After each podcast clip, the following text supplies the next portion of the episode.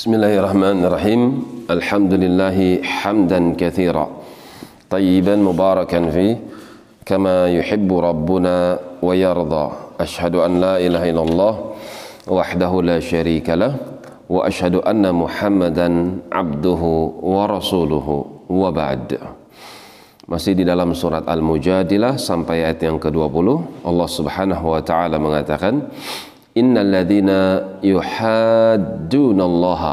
wa rasulahu ulaika fil Sesungguhnya mereka orang-orang yang menentang dan memerangi Allah memerangi agamanya dan juga memerangi rasulnya memerangi sunnahnya.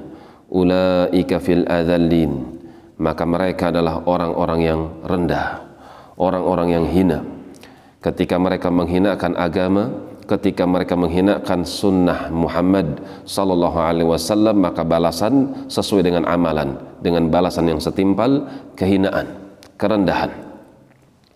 Apabila kaum muslimin ketika itu kuat, maka siapa yang menentang Allah dan Rasulnya, maka akan diterapkan hukum boykot seperti pada zaman Rasul Shallallahu Alaihi Wasallam ketika beliau memboikot tiga orang sahabat yang tidak mengikuti peraturan Allah dan Rasulnya seperti pada zaman imam-imam yang empat Imam Malik, Hanafi, Abu Hanifah, kemudian Syafi'i dan Ahmad pun masih diterapkan hukum boykot bagi mereka pelaku kebidahan seperti kaum Syiah, Rafidah, Jahmiyah diterapkan hukum boykot dan itu adalah hukuman bagi mereka di dunia. Kataballahu laglibanna ana wa rusuli. Allah sudah menetapkan atas dirinya sendiri bahwasanya aku pasti menang. Demikian pula rasul-rasulku pasti menang. Utusan-utusan Allah pasti menang sebagaimana dia telah menolong Muhammad sallallahu alaihi wasallam pada setiap peperangan yang dilaluinya seperti beliau atau Allah Subhanahu wa taala menolong Musa alaihissalam ketika melawan Firaun.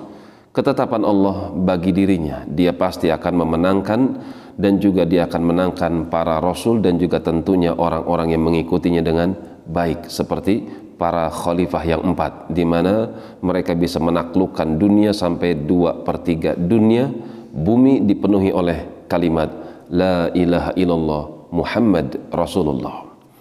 Innallaha qawiyyun aziz. Karena sesungguhnya Allah itu maha kuat, aziz lagi maha perkasa.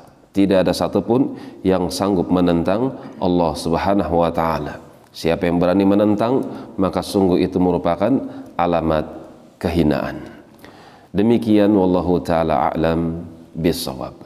Subhanakallahumma wa bihamdik asyhadu an la ilaha illa anta astaghfiruka wa atubu ilaik. Tafadhalu barakallahu fiikum.